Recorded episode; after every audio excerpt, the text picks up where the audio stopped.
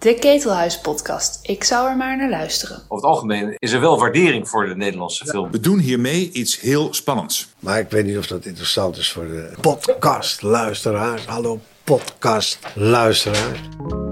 Op de middelbare school, ik, ik, hè, dan moet je altijd de opstellen schrijven. En ik kreeg altijd voor mijn opstellen kreeg ik zesjes, zeventjes. Eh, maar ze werden wel altijd voorgelezen. Hè, dus het was niet goed genoeg, maar het was wel goed genoeg voor entertainen. Je ziet ook films gemaakt worden die geen hond begrijpt, omdat er geen verhaal in zit. En ja, ja dan, dan, dan is het eh, toch maar, ja, eh, ze zullen wel, het zal wel een intellectuele film zijn. En, ja, dat, eh, maar goed, daar hou ik dus niet van.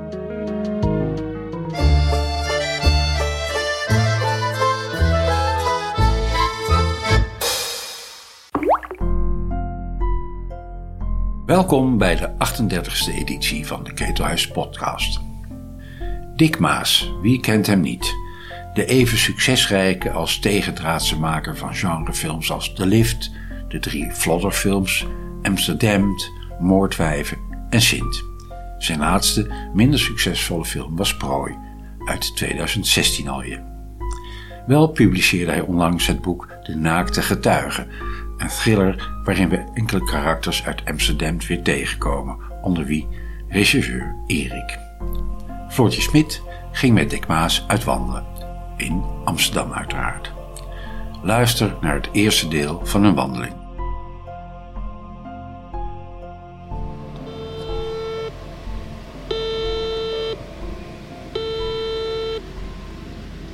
Hoi, Hey Dick, kom je naar beneden? ik kom naar beneden, ja. Yes. Joep. Ehm, we gaan wandelen. Ja, waar naartoe? Ik dacht een beetje richting de wallen. We kijken wel waar we langskomen. Oké, druk is daar, hè? een beetje. Ja, vind jij dat erg? Nee, nee, ik vind het niet erg. Je weet waar de wallen zijn? Eh, ja, ja, jij weet ook waar de wallen zijn, toch? Ja, ik weet waar ze zijn. Al heel vaak gefilmd, ja. Hey, ik dacht, ik, ik moet wel een beetje voorzichtig met je doen, want je bent net geopereerd, eh, hoorde ik. Eh, nou, net in mei. Tweede been, of tweede knie eigenlijk. De eerste knie was in eh, januari. Maar wat was het? Alge, algeheel ouderdomverval? Ja, opeens een soort eh artrose-achtig iets. Pijn in mijn knieën. En toen was je daar, dacht je toen ook van, oh kak, dat is inderdaad, nu word ik echt oud? Eh, nou, dat dacht ik daarvoor al hoor. Daar had ik geen knieën voor nodig. Dat, wacht even. Kalverstraat, altijd druk. Toeristen, hè? Ja, ze zijn allemaal weer terug. Wat zeg je? Ze zijn allemaal weer terug, de toeristen. Nou ja, nee, het is echt. Want jij, jij kon ook niet meer op die rondvaartboot, toch? Dat, Nee, de rondvaartboot was inderdaad eh, vol gereserveerd. Dat leek me leuk met jou op een rondvaartboot. Nee, maar ik was in de spam. Kijk, dan gaan we dat steegje door. Ja, je was in mijn spamfolder beland, dus ik kon niet op tijd reserveren. Maar als het dus niet goed gaat met je knie, moet je het even zeggen. Dan gaan we gewoon Ja, ergens zitten. nee, het is niet zo dat ik nou 10 kilometer kan lopen meteen, maar weet je wel, een, eh, als we niet, eh, niet te fors lopen. Hey, dat je met die knieën zat, was dat een reden dat je ook dacht van ik ga, ik ga gewoon eens een boek schrijven, dan moet ik stil blijven zitten? Nee, nee, nee, want ik was al, eh, eigenlijk dat, dat boek, eh, eh, dat was al vorig jaar af. Ik had het eigenlijk al voor corona zo'n beetje af. Kijk uit, hè. Ja. Nee, dat was...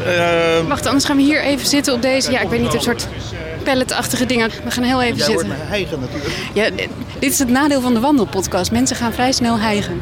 Ja, nou ja, vind je het gek? Ja, zeker oude mensen als ik, hè. Met, met twee, twee slechte knieën. Nee, eh, nee, de reden was, even kijken. eh, nou ja, ik, eh, ik heb al een hele tijd met, liep ik met het idee rond om een serie te maken van Amsterdam, een te- televisieserie. Dus dat is steeds af en aan gepitcht en eh, mensen interesse en dan weer niet. En dan gaan weer dingen niet door. Dus op een gegeven moment dacht ik van nou, ik maak er eerst een boekenserie van. Eh, Beetje net als Baantje. Je dacht, wat Baantje kan, kan ik ook. ja, nou ja, zoiets. Ja, kijk, Baantje is natuurlijk een, een geval apart. En het is een beetje een ander soort eh, politieserie eh, de- eh, ja, dan ik eh, eigenlijk voor ogen had. Dus eh, nee, ik wou, ik wou hem wat ruiger maken, dus die hele serie. Maar goed, ik had allemaal ideeën over waar, waar die verhalen over eh, moesten gaan. Dus ik dacht van nou, dan ga ik maar eens eh, beginnen met een boek te schrijven. En eh, nou ja, dat heb ik gedaan. Dus een beetje zo tussendoor. En, dus dat eerste boek lag er al ongeveer een jaar geleden. En toen ben ik aan het tweede begonnen. En daar ben ik nu ja, bijna oh, ja, over de helft al. Dus dat hoop ik ook binnenkort af te ronden. Het heet een naakte getuige. Er staat een, een naakte eh, vrouw voorop. Ja. Seks zelfs nog steeds, denk jij. Nou, ik vind het niet seks hoor. Het is heel, heel kuis. Je ziet er van achteren. En, eh, het is nou eenmaal waar het over gaat. Ja, het, eh, het komt in het boek voor, weet je wel. Dus, dus het, tuurlijk, ik bedoel, het is een, ja, ik, vind, ik vind het wel een mooie, mooie, mooie omslag geworden. Naakte vrouw in het bos, ja. En dan ja, een beetje artistiek, zal ik maar zeggen. Is het, eh, want ik las het en ik dacht, je had dit, je had dit inderdaad prima kunnen filmen. Het is zo, je, je, kan hem zo, je kan er zo een aflevering van maken. Natuurlijk, ja, zo, nou ja, zo, zo'n verhaal is het ook. Het is eigenlijk gewoon een, eh, een, eh, een, een, ja, een aflevering van een televisieserie. Had het kunnen zijn, weet je. En dat is nu eh, een, een boek geworden. En ja, maar kijk, ik, ik, ik als ik een boek schrijf, ik ontkom er ook nooit aan om beeldend op te schrijven. Bij mij blijft het altijd filmisch. Dus ik denk dat elk boek wat ik schrijf, zou je van kunnen zeggen, dat kan je zo verfilmen. dat is ook zo waarschijnlijk. Maar goed, ik heb, ik heb niet zoveel boeken geschreven hoor. Ik heb, eh, in de negentig jaren had ik een, eh, heb ik een boek geschreven. Maar dat was ook gebaseerd op een filmscript wat ik niet van de grond kreeg. Eh, het boek heet Salvo. Dat zal je wel niet gelezen hebben. Of ik weet niet of je het gelezen hebt. Nee, ik heb het niet gelezen. Oh, maar we zijn, nou, dat heeft, dat heeft het best goed gedaan nog. Dus bij, toen bij eh, eh, Bert Bakker was het toen nog. Prometheus, Bert Bakker. Uitgegeven. Maar dat was ook eigenlijk, ja, nou, natuurlijk heel filmisch. Maar dat was dus op een script gebaseerd. En hier bij, bij De Naakte Getuigen, daar had ik nog geen script van. Dus dat heb ik echt als boek geschreven. En, maar je zou het zo weer om kunnen schrijven. Nu de andere kant op naar een script natuurlijk. Je, je baseert eigenlijk deze hele boekenserie weer rondom Erik uit, eh, uit Amsterdam. Ehm, wat was er aan hem dat je hem niet lo- los kon laten? Nou, ik kan hem best loslaten, maar het is natuurlijk... eh, Kijk, Amsterdam is eh, op zich een fenomeen gebleven in Nederland. En, maar die karakters zijn zo leuk. En eh, eh, ja, ik vind die Erik Visser, de, de, hoofdpersoon. En dan heb je die, die, die eh, assistenten eromheen. Vermeer en Potter. En dat zijn allemaal leuke karakters. En zijn dochter nog erbij. En nou ja, ik dacht van, wat gebeurt er als je die... als je die karakters naar deze tijd hebt, want het boek speelt in deze tijd. Het is niet dat het in, in de tachtiger jaren speelt, net zoals Amsterdam. Het is gewoon naar deze tijd verplaatst. Dus het is een hedendaagse... Maar die karakters zijn leuk en ik dacht van nou... En ik zie, zo, ik zie eigenlijk geen goede eh politieseries die zich in Amsterdam afspelen. Het, het is allemaal een beetje in de periferie, maar het, er is, ik ken geen serie... Ja, eh, ja, je hebt een hoop lawaai, maar... Ja, ik weet niet wat dit is. Het is, het is een... Eh, maar je hebt geen eh, politieserie die het, het, het, ehm, het, het gevoel van een, een Amsterdam heeft. Met, met een lekkere spektakel erin en met humor en spanning en dat, soort- dat soort ingrediënten. En Het dat, is allemaal te bravig, vind jij? ik vind ze allemaal, ja, zeker, braaf. Nou ja, dus dat vond ik jammer. Dus ik had graag eigenlijk zo'n zo'n televisieserie van de grond gekregen. Nou, misschien komt dat op een gegeven moment nog wel. Eh, maar dus die even Amsterdam op een andere manier laat zien. eh, maar een beetje zo dat je weer het gevoel van, van Amsterdam terugkrijgt. En, eh, en niet voor niks is Amsterdam nog steeds een soort... eh, ja, mensen kennen die film nog steeds. Die komt nog steeds op televisie. Het spreekt nog steeds mensen aan. Dus het is de, hij raakt wel een, gewoon een gevoel bij de mensen. En eh, nou ja, dat, dat lijkt me leuk om dat weer eens in een televisieserie terug te krijgen. En ik ben wel eens bij eh, Duitse producenten hebben zich zelfs er, eh, waren erin geïnteresseerd om dat te doen.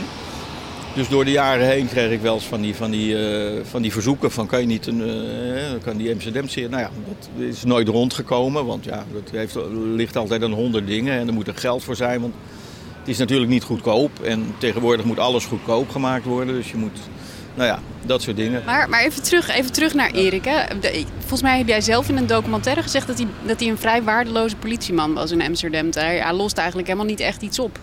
Wordt hem allemaal een beetje in de schoot geworpen. Ja, dat klopt. Dat is, dat is vooral toen ik die film nog eens eh, een paar keer terugzag. Na, hè, na- jaren later, eh, in, in- kijk in het begin eh, eh, viel het me niet zo op. En had ik, ik dacht ik heb een lekker verhaal en dat had ik ook wel. Maar eh, het, is, het is een beetje, eh, eh, eh, we bluffen ons een beetje door het verhaal heen. Want hij lost inderdaad niks op. Hij, hij loopt steeds achter de feiten aan, hij komt te laat.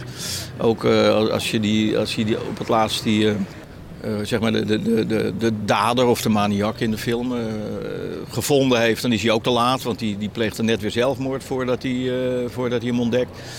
Dus ik dacht van, ja, eigenlijk, eigenlijk klopt dat allemaal niet. En eigenlijk had ik dus bij nader inzien dat script ook anders moeten schrijven. Dus dat, eh, Ja, ik vind het grappig, want het, het klopt niet volgens de filmwet. Maar je hebt blijkbaar dus zo'n soort rookgordijn eromheen gecreëerd. Dat je zelfs je, jezelf hebt gefopt, maar ook het publiek. Want pas toen jij het zei, dacht ik, oh ja, verdomd. Ja, nou ja, je kan je behoorlijk door met een film... eh, kijk, als een film lekker eh, vlot in elkaar zit en je hebt, er is altijd wel wat te beleven en eh, je, je hebt leuke scènes, dan kan je er behoorlijk door het verhaal heen bluffen. Dan kom je met dingen weg waarvan je normaal niet er misschien niet weg zou komen. En als je, weet je wel, je kan achteraf denken van ja, nee, hij, hij lost eigenlijk niks op. Wat is daar een rare hoofdpersoon? Maar ja, intussen heb je wel naar een entertaining film zitten kijken. Eh, en, en je hoeft nou natuurlijk niet allemaal zo analytisch naar een film te kijken, weet je. Als je eh, ik, ik, ik zie ook wel eens films en dan denk ik van nou weet je, het, verhaal is niks, maar het ziet er wel uit als een film. En je, je wordt wel vermaakt en je bent toch wel benieuwd naar de volgende scène, et cetera. Nou ja, zo, zo is eigenlijk eh, Amsterdam is een beetje, ja daar, kijk, het, het, de, film op zich is echt een film. Het is echt spektakel, het is entertaining, maar ik, ik vind jammer dat ik er niet de onderliggende verhaalstructuur, dat ik dat eh, ja, niet wat beter had kunnen aanscherpen. Dat had beter gekund. In. Zeker met de kennis van nu. Kijk, toen, ik begon toen ook pas.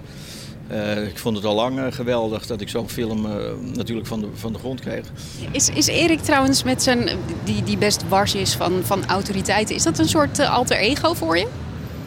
Nou ja, ik ben ook wars van autoriteit, dus dat, is, dat komt een beetje uit de 60 jaren, denk ik. Eh, ik, eh, ik, heb een grondige hekel aan, nou ja, niet een grondige hekel, ik, ik heb, ben altijd kritisch op autoriteit. En als iemand zegt van je moet, je moet dit dan eh, vanuit een, eh, eh, een, een bepaalde functie of het is de overheid of zo, dan heb ik altijd iets van ja, ho- hoezo, waarom? En, maar goed, dat heb ik al sinds de 60 jaar eh, vanaf school. Dat, dat, dat ik mijn haar moest knippen omdat het te lang was. En dan had ik ook iets van, hoezo, dat maak ik zelf wel uit of zo. Nou ja, En dan liet je het extra lang groeien.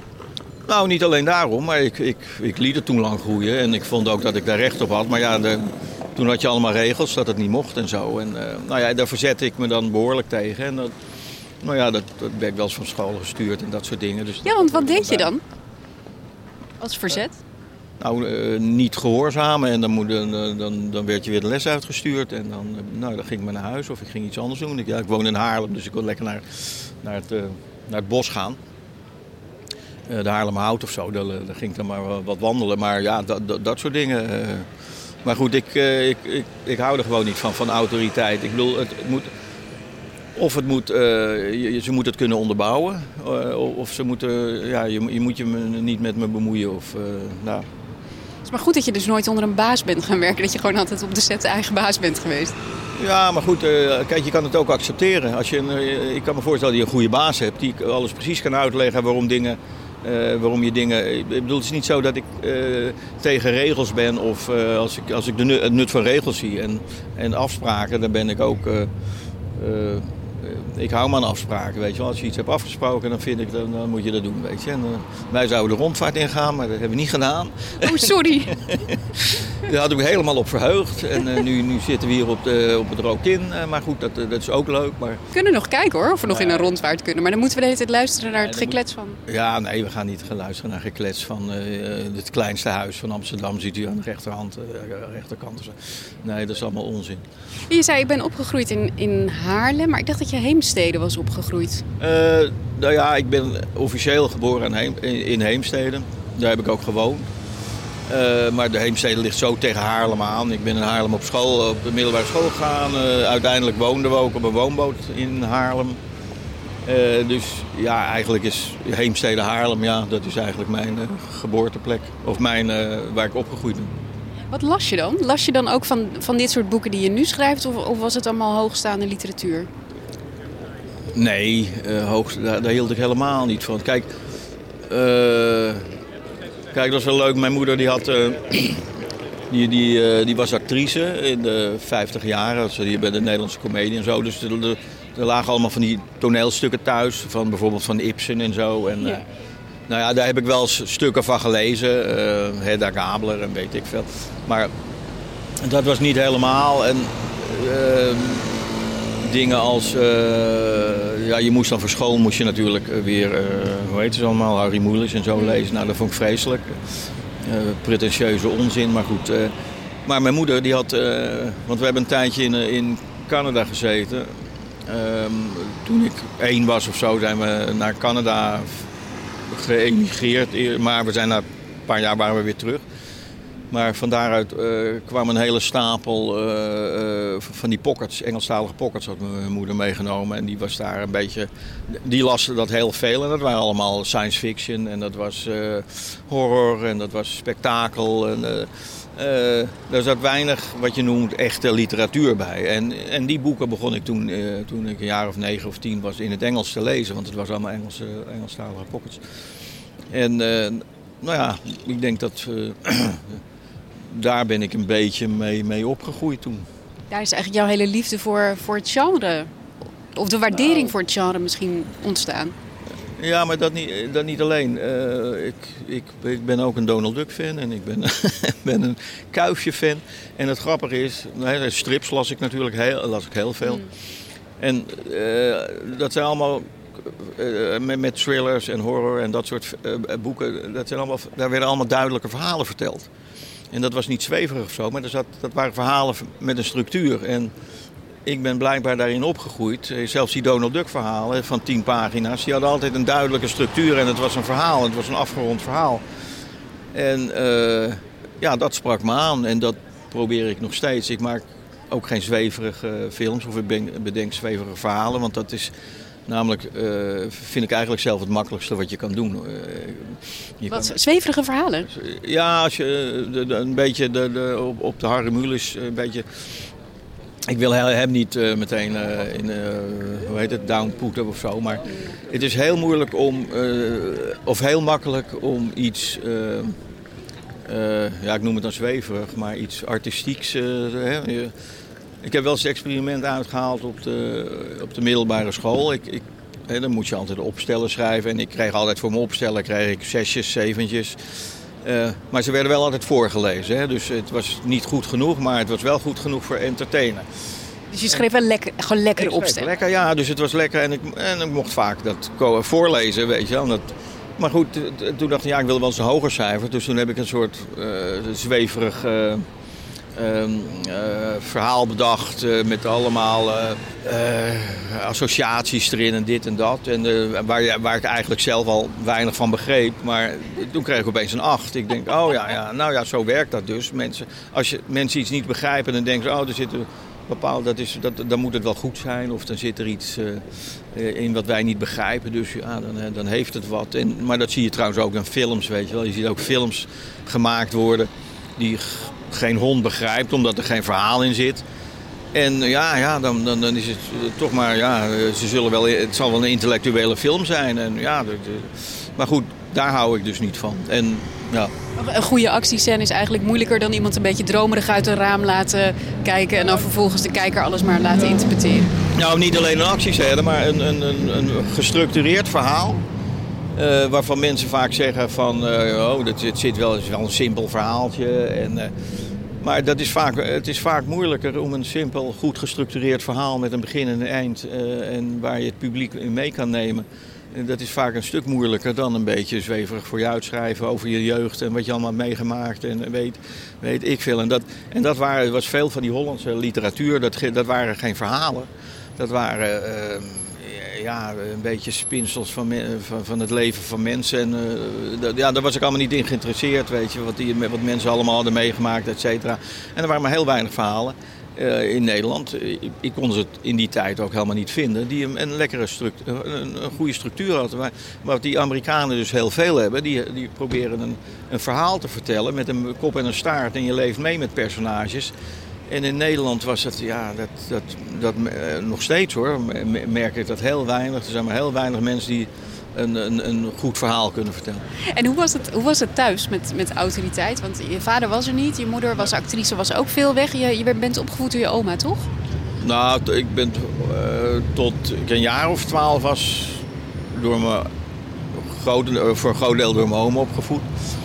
Eh, maar ook eh, op, op een gegeven moment heeft mijn moeder heeft haar, eh, zeg maar, eh, eh, actrice zijn opgegeven om, om eh, voor ons te zorgen. En vanaf die tijd eh, ben ik door mijn moeder opgevoed.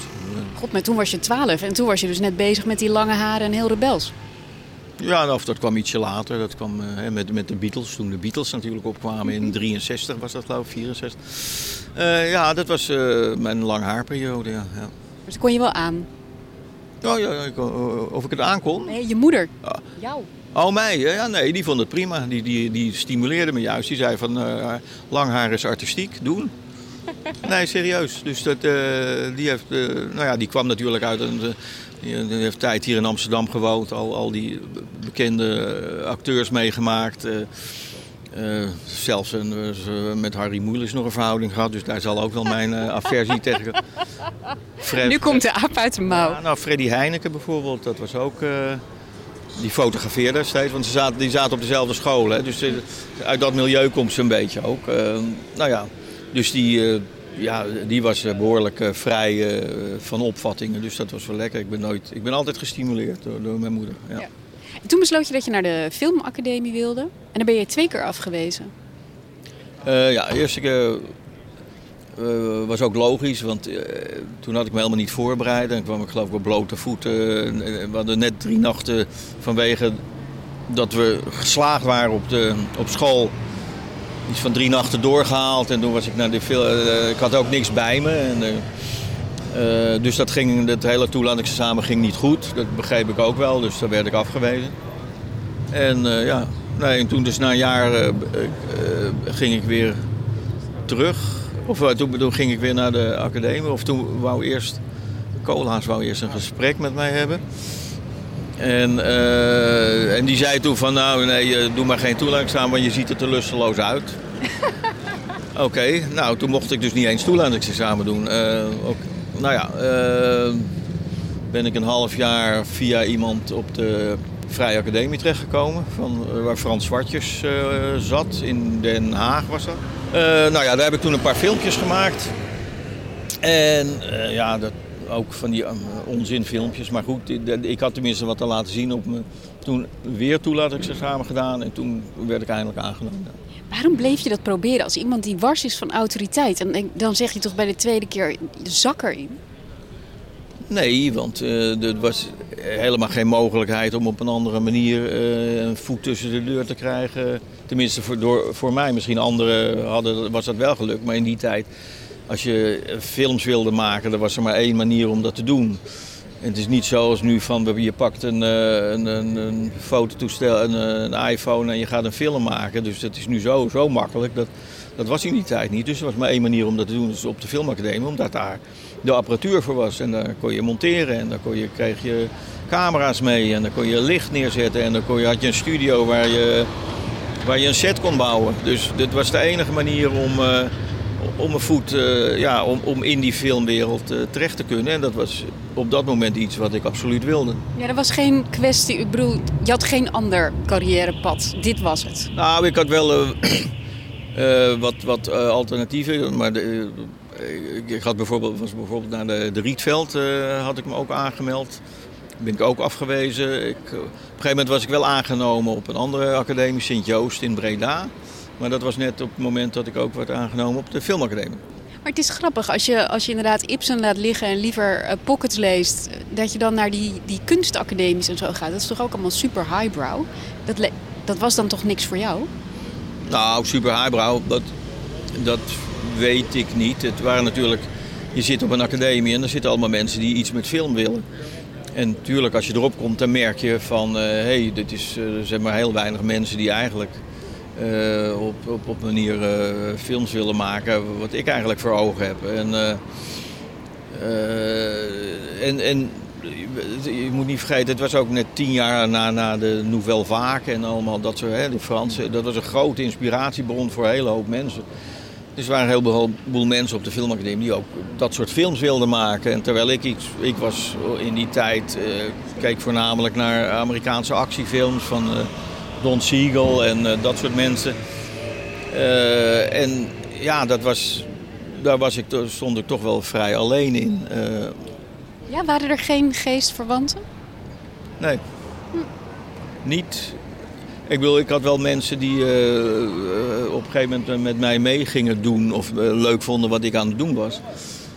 Maar de, de, de, ik heb, er waren geen mensen die daar, daar zaten en die met het idee kwamen... we gaan nu lekker uh, spektakel, actiefilms, uh, entertainingfilms maken. Nee, het was, het was heel erg artistiek. Het moest artistiek verantwoord zijn. En uh, er waren maar weinig mensen die echt een, gewoon een normaal verhaal of zo wilden vertellen. Dan ben je daar toch vier jaar lang wel tegen ingegaan. Het is niet zo dat je bent gaan meeplooien de andere kant op. Nee, nee, maar ik, ik, ik kon ook mensen overtuigen dat de dingen die ik maakte, dat dat heel goed was. Dus ik heb, uh, nee, ik heb ook heel snel... Nou ja, wat ik deed was, ik, het eerste jaar, ik, ik, ik ging niet naar alle lessen, maar dan ging ik, leende ik een camera en dan ging ik mijn eigen film maken. Dus, dus dat, nou ja, dat was dan het voordeel, omdat je dat... maar goed, ik, ik volgde dus niet alle lessen daardoor en dat, dat, daardoor kwam ik wel eens in conflict en zo. Maar het is, daar merk je al, het is, het, is, uh, dat het, is natuurlijk een harde wereld. Je moet een beetje op je strepen staan en uh, je best doen. En ik heb die tijd, heel, vind ik zelf, heel goed gebruikt. Ik heb ontzettend hard daar gewerkt. Nachtenlang gingen we daardoor vaak op de, op de academie om dingen te monteren, et cetera. Dus ik heb er wel de energie in gestoken. En je ziet ook dat een heleboel mensen daar helemaal de de wil of de, de, de, geen zin in hadden. Er zijn een heleboel mensen die beschouwden die academie als een soort luxe oord waar je af en toe inderdaad een beetje een filmpje kon maken. Maar die, die zag ik verder nooit s'avonds op de s'nachts uh, uh, in het gebouw of zo. Weet je. Dan denk ik, nou ja, dat is een soort luxe. Dus er waren maar heel weinig echt gedreven mensen. En dat zie je ook, want nu als je kijkt van wie zijn er uit mijn jaar bijvoorbeeld over. Uh, uiteindelijk of goed een beetje, een beetje terechtgekomen in de film. Ja, dat zijn er misschien uh, twee of drie, weet je, van, uh, van de dertig die, die begonnen. Ja. Je hebt je afstudeerfilm gemaakt. Dat gaat over. Die, die was al een beetje zwart komisch. Over een man die zelfmoord wilde plegen. Maar de trein kwam niet. Ja, ja Adelbert was dat. Ja. ja. Um, daardoor ben je eigenlijk... Oh nee, toen mocht je Idylle maken uh, voor de VPRO. Oh, die korte filmpjes. Ja. Nou ja, dat is jaren later. Kijk, uh, Adelbert was mijn eindexamenfilm. Dus dat was, uh, ik vond het wel geslaagd. Het was wel leuk. het viel goed bij mensen. En, en het grappige is, als je zo'n... Als je terugkijkt, dan zie je daar gewoon... En je, je ziet die film weer. Ik heb hem laatst weer eens gezien, omdat we misschien weer films opnieuw gaan uitbrengen. Maar daar zitten eigenlijk shots in die ik nog steeds zo maak, weet je. Dus uh, wat, dat, wat dat betreft denk ik, nou, zoveel heb ik ook weer niet geleerd, weet je wel. De, qua, qua, qua visualisatie, het, het, is, dat zit er daar allemaal in. Je kan ook zeggen, je bent heel consistent als filmmaker. Ja, dat kan je ook zeggen. Nou, dat, dat, dat klopt ook wel. En natuurlijk, ik probeer wel eens uh, wat nieuwe dingen, maar... Uh, als je zo terugkijkt, denk je, ja, het, het, het, het, zat toen eigenlijk al, de kadrages en dat soort dingen en de camerabewegingen, het was toen eigenlijk al, uh, al aan de hand. Maar om even kijken op je vraag terug te komen. Dus die, die, die korte films voor de VPRO, dat was, meen ik, een jaar of drie later. Hè? Dus in, ik heb in de tussentijd wel een aantal scripts geschreven, proberen van de grond te krijgen, voor lange films ook. En toen, toen uh, kwam dat aanbod van de VPRO. En toen heb je, je hebt een film gemaakt over een stalking eigenlijk, wat, wat een seksuele fantasie blijkt te zijn. En die werd opgepikt door uh, Barry Hay van de Golden Earring. Die vond dat zo leuk dat hij jou vroeg om clips te gaan maken. Ja, ongeveer. Ja, nee, nee, zo ging het. Maar ik geloof dat ook, uh, het was Cesar Zuiderwijk, die, die, de drummer van de Ering, die belde me geloof ik op een gegeven moment op. Of hij was het die me opbelde. En ik weet nog niet of hij dat, hij dat ook... Uh, volgens mij had hij die, dat filmpje ook gezien. En die filmpjes. Of, uh, misschien alleen dat filmpje. En Barry natuurlijk. En, uh, ja. Dus toen zochten ze iemand voor, voor Twilight Zone. Voor, voor, voor dat nummer. om een clip te maken. Nou ja, tuurlijk. ik ben altijd fan van de Ering geweest. Dus dat, dat was een waanzinnig aanbod. Ja. Het, uh... Jij maakte daar in plaats van hè, zeg maar een beetje saaiige clips, jij maakte er echt bijna een soort kleine mini-speelfilmpjes van. Dat, dat was al vrij opmerkelijk. Maar wat je ook deed, is je, je maakte best chockerende filmpjes voor, voor die tijd. Vond je dat nou lekker om, om ook een beetje tegen die gemeente aan te schoppen? Was dat ook de bedoeling of, of had je helemaal niet door dat je iets heel chockerends aan het maken was? Nou, ik hou wel altijd van provoceren. Dat heb ik mijn hele leven al gehad. En ook uh, in, in, mijn strips en zo. En uh, voor mij waren er uh, geen heilige huisjes. En ook als je mijn strip ziet, die, die gaan soms behoorlijk ver. Achteraf denk je, hmm, gaan ze niet te ver, weet je. Ja, je hebt dingen met, met nazi's en zo, toch? Ja, precies. In, eh, in concentratiekampen grappen gemaakt en dat soort dingen. En, eh, maar eh, ik, ik was, nou, wat ik zeg, eh, vanuit de 60 jaar had ik iets van eh, vo- volledige artistieke vrijheid, vond ik dat je moest hebben. Eh, maar eh, nou ja, dat zette zich een beetje door in die, die filmpjes. Eh, maar ik vond ook een beetje de reacties eh, overdreven erop. En eh, dat filmpje wat je noemt van eh, die fantasie van die twee mensen die dan een, eh, een, een, een verkrachting eigenlijk naspelen. Of dat ze gestalkt, eh, achterna gezeten worden. Een heleboel mensen, die, de boodschap was juist van, nou, dat is een, die mensen hebben een, een, hun seksleven, een nieuw leven ingeblazen door dat soort spelletjes te spelen. Nou, dat, dat lijkt mij een heel nobel streven, dat je je seksleven een beetje op peil probeert te houden door dat soort dingen. Maar het werd opgepikt alsof ik eh, verkrachtingen van vrouwen eh, propageerde en zo. En dat met allemaal vrouwengroepen die zich ja, dat, aan het protesteren was. En Felix Meurders die me opbelde van hoe dat ik. Die was ook boos en ik denk, ja, waar gaat het nou over? Dan hebben jullie het filmpje niet begrepen. Nou, Ja. Nou ja, en dan, en dan sla je zeg maar terug met een videoclip van de Golden Earring... waarin een, een non min of meer aangerand wordt. Ja, maar dat is, dat is ook een fantasie. Dus het is allemaal fantasie, mensen. het, is, het gebeurt niet echt. Nee, maar je bent niet aan het downtunen. Je, gaat, je doet niet een klein stapje terug. Je gaat er gewoon nog eens een keer nee, volop nee. in. Ja, maar dat, dat, dat- trouwens, die clip dat was alweer een jaar of zes later hoor. Eh, ik geloof die, die korte filmpjes voor de VPRO dat was in de 80, begin 80 of zo. Ik geloof de Lady Smiles was, dacht ik, 85 of iets in die geest. Ik, eh, 84 misschien. Eh, dus dat is jaren later. En ik heb, nee, dat was. eh, eh, ja, maar ik dacht er ook eigenlijk niet zo bij na. Ik vond het gewoon prima in het verhaal passen. En dat, ja, dat allerlei mensen er dan weer iets hebben over dat er een non wordt verkracht. Er wordt helemaal geen non verkracht. Dat, zie je ook helemaal niet en zo. En dit is ook een fantasie van die man. En nou ja, mensen vullen dat dan zelf in en, die, en dan willen ze zich ergens over opwinden. Nou prima, be my guest, weet je. Dat mag. Of vind je het lekker dat mensen zich er ook een beetje over opwinden? Het is toch... Tuurlijk. Ik, hou, eh, ik, ik, ik ben ervoor om eh, reacties van mensen los te, eh, hè, los te maken bij mensen. Dat, dat vind ik leuk. En, of het, eh, en dat, daar hoort provoceren bij. En daar hoort gewoon een goed verhaal bij. Kijk, ik vind het ook leuk als mensen lachen en griezelen. En eh, als ze opgewonden raken en als ze kwaad worden, vind ik het ook leuk. Eh, prima. En eh, het is niet... laat ik zeggen, het is niet mijn eerste doel. Maar ik, ik vind ook dat er eh, mensen winden zich, eh, zeker tegenwoordig, wel heel snel op. En eh, ik denk ik ook van jongens, stel je nou niet zo aan, weet je. En, Zullen we nog een klein stukje richting de Wallen gaan wandelen? gaan de richting Ballen. Oeh, ik moet even Gaat het, weer, ja, met die knie? Ja, als ik een tijd gezeten heb, dan moet ik weer even... Dus we moeten dat een beetje gaan timen. Niet te lang zitten en niet te lang... Nee, maar het is zo weer los hoor. ik ben geen invalide. Laten mensen dat nou niet denken. Ja, ze zien het niet, maar je loopt, je loopt best kwiek. Zeg even goed, ja, Ja. precies. Ik wou net zeggen, zeg even dat ik heel, heel vlot nu door Amsterdam loop. Anders dan eh, even kijken. Ja, hier is het lekker rustig. De Nes, kijk, dit, dit is rustig. Dan kunnen we zo doorsteken richting eh, de Grand. Wat heb je eigenlijk met, ehm, met de Wallen? Heb je daar, heb je daar een speciaal... ehm, vind, je dat, vind je het leuk? Nou, niet, ik heb er niet zoveel mee, maar ik vind het wel een mooi, mooi stukje Amsterdam. Waarom een mooi stukje Amsterdam? Eh, omdat het een van de oudste stukjes eh, van, van, eh, van Amsterdam is. Dus je hebt het nu over de architectuur. Nou, nee, maar ook de beleving daar. Al die hoeren die daar zitten en zo. En dat willen mensen die hoerenbuurt weer ja, een beetje cleanen. En dan moesten er allemaal winkeltjes komen. Ik zeg, houd, houd toch op. Dat moet je gewoon in stand houden. Red Light District, dat is toch hartstikke mooi.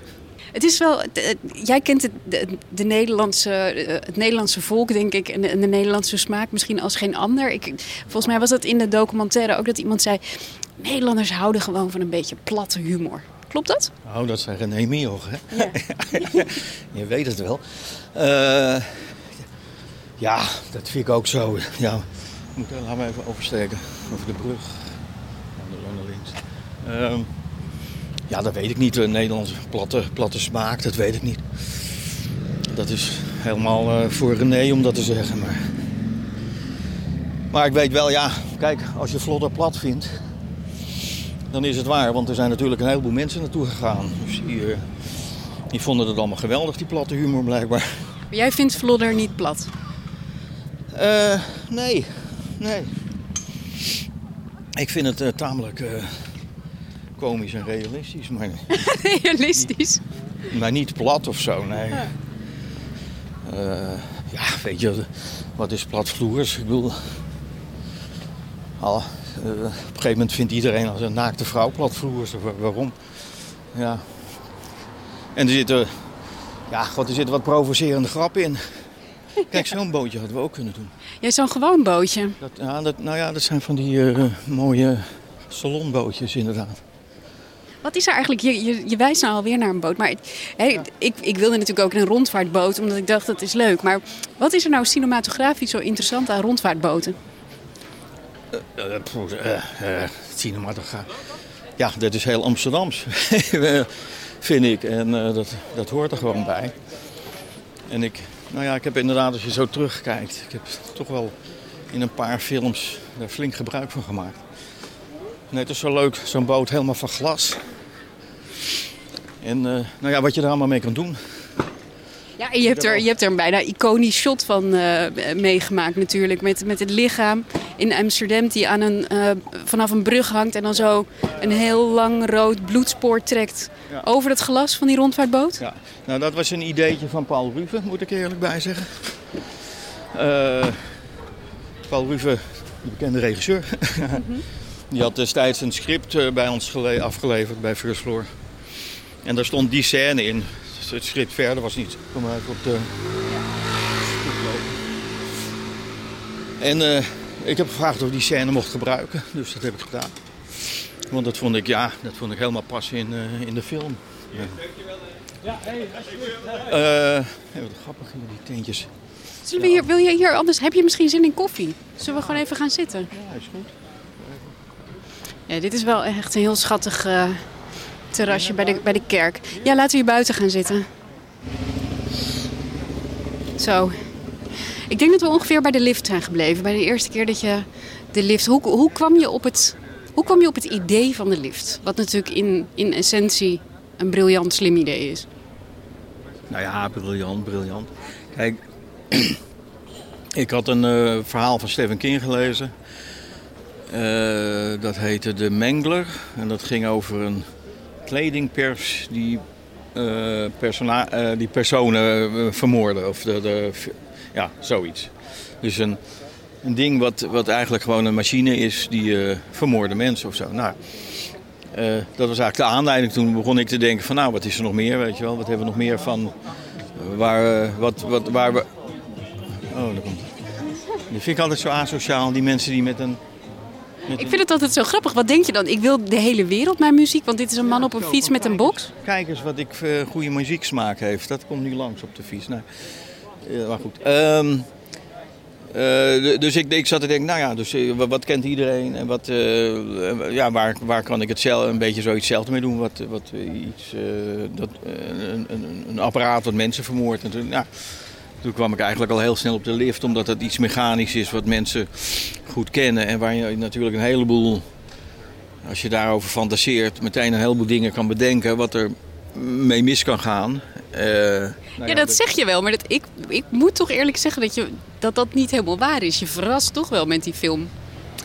Nou ja, ik bedoel, eh, ja, ik, als ik, ik, ik kwam heel snel op dingen van, nou, wat kan je met een lift doen? Nou ja, je ziet al deuren die dicht gaan natuurlijk en waar je tussen kan komen. Eh, je ziet eh, liften die er niet staan. eh, dat er opeens een lege schacht voor je staat. Die dingen kunnen naar beneden donderen. Kijk, het zijn ook allemaal dingen die gewoon gebeuren. Hè? Ik bedoel, het, internet staat er in- inmiddels vol mee. Wat, wat er allemaal mis kan gaan met een lift. Dus nou ja, dat had ik, eigenlijk die optelsom had ik toen al gemaakt. Van eh, nou ja, alles wat er mis kan gaan, eh, dat, dat stop ik er dan in. En dat, daar maak ik een verhaaltje omheen. En dan moet je nog een reden bedenken eh, waarom dat dan gebeurt. En nou ja, dat, dat moet je dan. Nou ja, dat, maar dat is eigenlijk niet eens zo belangrijk. Ja, maar dat is ook helemaal niet zo ingewikkeld. Ze zijn altijd bezeten, toch? Wat zijn we? Sorry? Ze zijn toch altijd bezeten, dat soort dingen? Nou, dat was in de lift dus niet het geval.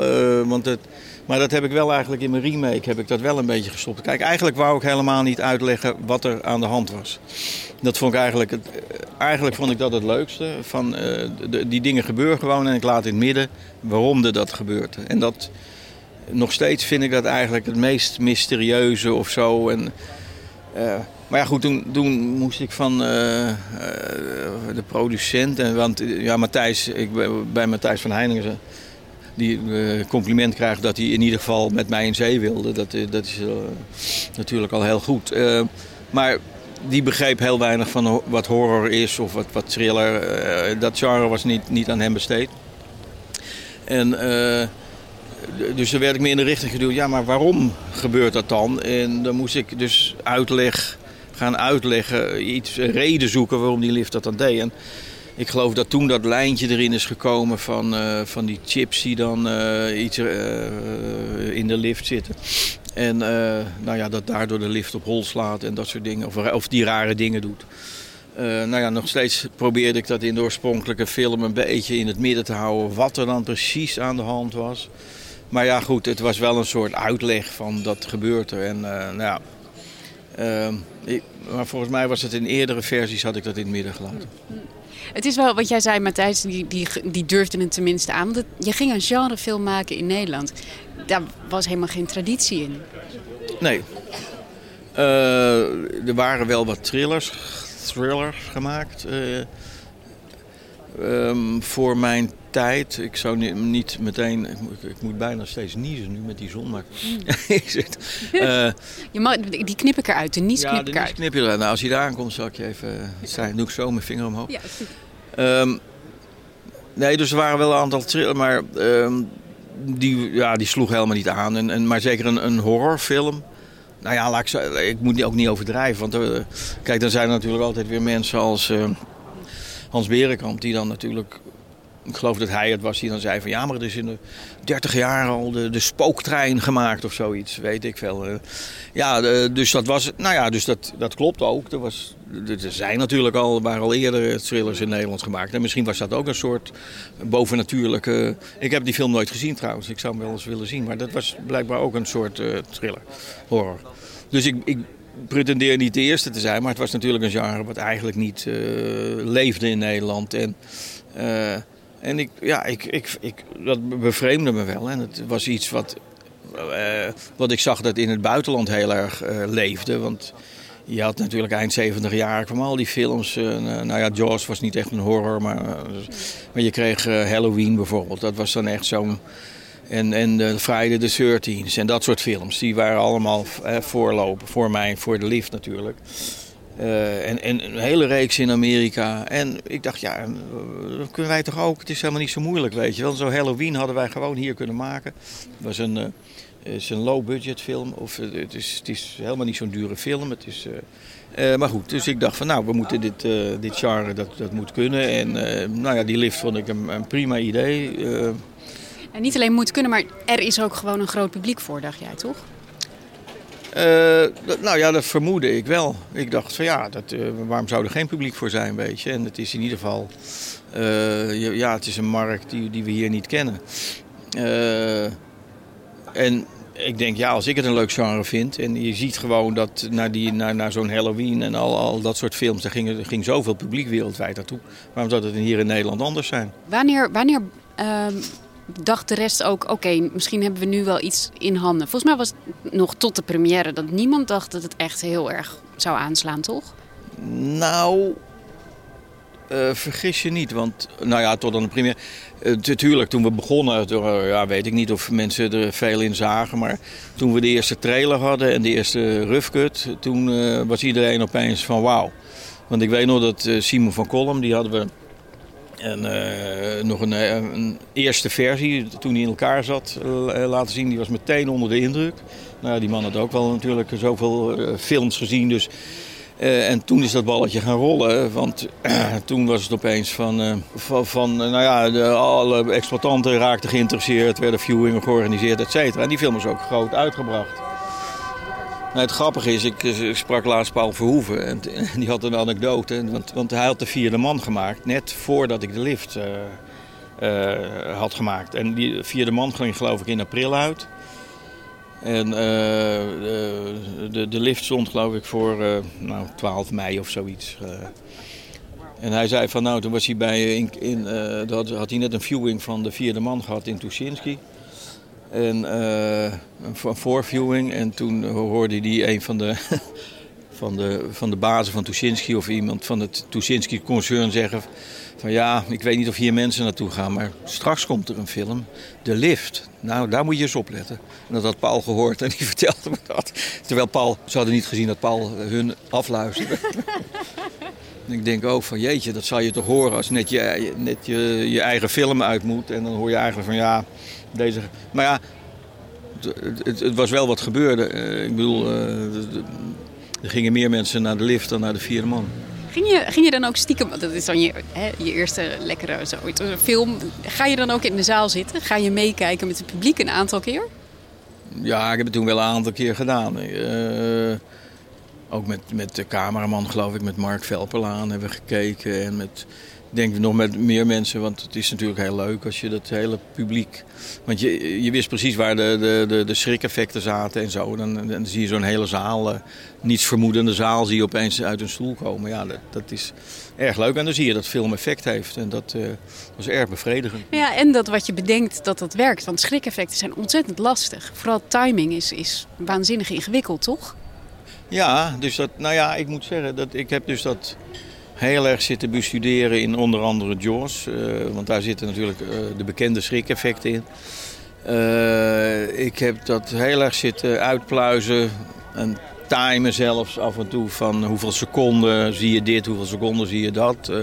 wanneer laat je iets zien. En, en dat heb ik een beetje, bijvoorbeeld er zit in een lift zit een, zit een scène dat er een lijk een uh, lijk van die schoonmaker valt dan door het gat in de lift, uh, in het dak van de lift. Um, en die opbouw, dat is essentieel voor het effect. En dat, dat, uh, ja, dat heb ik helemaal zitten uitpuzzelen. Van je laat eerst dit zien, dan moet je de camera moet een beetje bewegen, want je moet diepte geven. Je moet, vlak voordat het lijk valt, laat je eerst nog een wijd shot zien in de schacht. Want dan zie je dat er eigenlijk niks is, maar dan snij je naar een uh, een, een close-up dat hij naar, naar binnen valt. Dus dan is de schok groter. Want eerst dacht je, hé, er zit niemand in die schacht. En dan is het er opeens. En, nou ja, dat heb ik zo helemaal zitten uitpuzzelen. En ook met de lenzen. Want je moet natuurlijk wel een, een, een, een gro groothoeklens hebben. Want dan is het effect beter. Als iets op je, op je afkomt, dan uh, werkt dat beter natuurlijk. Nou ja, allemaal dat soort dingen. En dat... Uh, nou ja, dan merk je als je dat helemaal zo uitgepuzzeld hebt, dat ik weet niet, in 10 shots of zo, dat, dat effect. En het steeds even uitstellen, bepaalde camerabewegingen om af te leiden en, en zo. En, nou ja. En als dat werkt, nou, dan ben je heel tevreden. ja, maar het is, heel lastig, het is heel lastig testen. Want zelf weet je precies wanneer het komt. Je editor weet op een gegeven moment wanneer het komt. Je kan niet iedere keer nieuwe nou, mensen... Ik weet, we hebben het één keer getest toen we aan het uh, mixen waren. Uh, die film moest heel snel af. Hè. Ik geloof dat we iets van drie weken hadden om die film helemaal nadraaien om af te krijgen. Uh, tijdens het mixen toen hebben we iemand erbij gehaald uh, onder het mom van, ah kijk even, we, we, weten niet hoe dit zit precies. Er is iets met, met het beeld, kan je even kijken. Dus dan lieten we precies dat scènetje zien en die man die sprong van zijn stoel af. Nou ja, toen wisten we dat we goed zaten, weet je. En die had verder niks van die film gezien, alleen maar dat scènetje. Nou, als het in één scène al werkt, dan werkt het, weet je wel, dan weet je al dat je goed zit. En dat het straks met die hele film, waarin een soort spanning al opgevoerd wordt, dat, dat je dan helemaal goed zit. Wat je ook lekker kon doen met die film was um, de special effects. Ja, en die hebben we dus helemaal zelf moeten bedenken, want we hadden geen geld voor special effects. En dan heb je het over de special effects op de set, hè? want visual effects dat was eigenlijk helemaal niet... Uh, ja, we hebben één visual effect, dat was geloof ik het, uh, het, het, bliksemschicht of zo. Dat was geloof ik het enige visual effect wat we erin hadden, een bliksemschicht uh, boven het gebouw. Maar die special effects, ja... Maar dat moesten we ook allemaal uitvinden, want in Nederland is geen traditie. Die hele film is gemaakt zonder stuntmensen, wat ook al raar is, of raar. Uh, Want die waren er niet? Ja, die waren er wel in Nederland, maar daar was ook geen geld voor. En uh, Eh, en ik, ik, ik was ook wat overmoedig. Ik dacht, nou, we hebben helemaal geen stuntmensen nodig, weet je wel. Dat kunnen we ook wel zonder. En, dus eh, we hebben met crewleden iemand die eh, kon berg beklimmen, die daar goed in was. Die, die hing dan af en toe met, met, met dingen in de, in de liftschacht. En, dus alles eh, hebben we zelf moeten uitvinden. En alle, alle special effects eh, ook uitdokteren met eh, met, met touwen, touwen die om nekken gaan, achteruit draaien, dus omgekeerd reverse draaien. We deden allemaal eigenlijk zelf. En ik weet nog dat we op een gegeven moment Hans Veerman, die, die, die speelt dan de bad guy, en die, die moet eh, opgehangen worden in die schacht. Nou, die hebben we met z'n allen eh, staan eh, met een ruk naar achter getrokken in die schacht. En ja, ik geloof niet eens dat die man bescherming had. Die heeft volgens mij nog jaren last van zijn rug gehad. Maar ja, normaal, dat, daar zou je nu niet aan denken. Want wat je, wat je nu doet is natuurlijk, je eh, beschermt zo iemand. Die krijgt allemaal beschermende kleding, et cetera. En, eh, en Hans Veerman kreeg gewoon de jas van eh, Matthijs van Heiningen... waar we een gat in hadden gemaakt voor, eh, om de touwen vast te maken. En die trokken we met een rotgang de, de schacht in. Gelukkig heeft hij dat allemaal... speelde hij ook door en zo. En, want anders was dat denk ik ook mislukt. Maar dit, ja, dit is, eigenlijk hoor je dat niet zo te doen. Je bent toch, toch wel een aantal keer zo door het oog van de naald ge- gekropen met dit soort stunts. Nou ja, dat, het was natuurlijk volstrekt onveilig. Eh, dus eh, ja, weet je, ik bedoel, eh, er- moet een lift en uh, Gerard Tolen moet eh, onder die lift hangen. Die, die, we, die lift die we dan ietsje naar boven hebben gezet op twee balken. En dan Gerard, dan moet je achteruit acteren alsof die lift jou naar beneden drukt. En dan, ja, we gingen er wel vanuit dat die lift naar boven gaat. Maar ja, die dingen zijn ook loodzwaar. Dus er kan al- altijd weer wat met de balk kan breken. Ik weet het allemaal niet. En ja, ik, ik moet eerlijk zeggen, ik, ik zou zelf bijna niet mijn hoofd ertussen hebben gelegd, denk ik. maar ja, ik, misschien, eh, ja, misschien eh, Gerard Tolen, ja. Misschien, die was misschien wat overmoedig of was toen al levensmoe misschien, ik weet niet.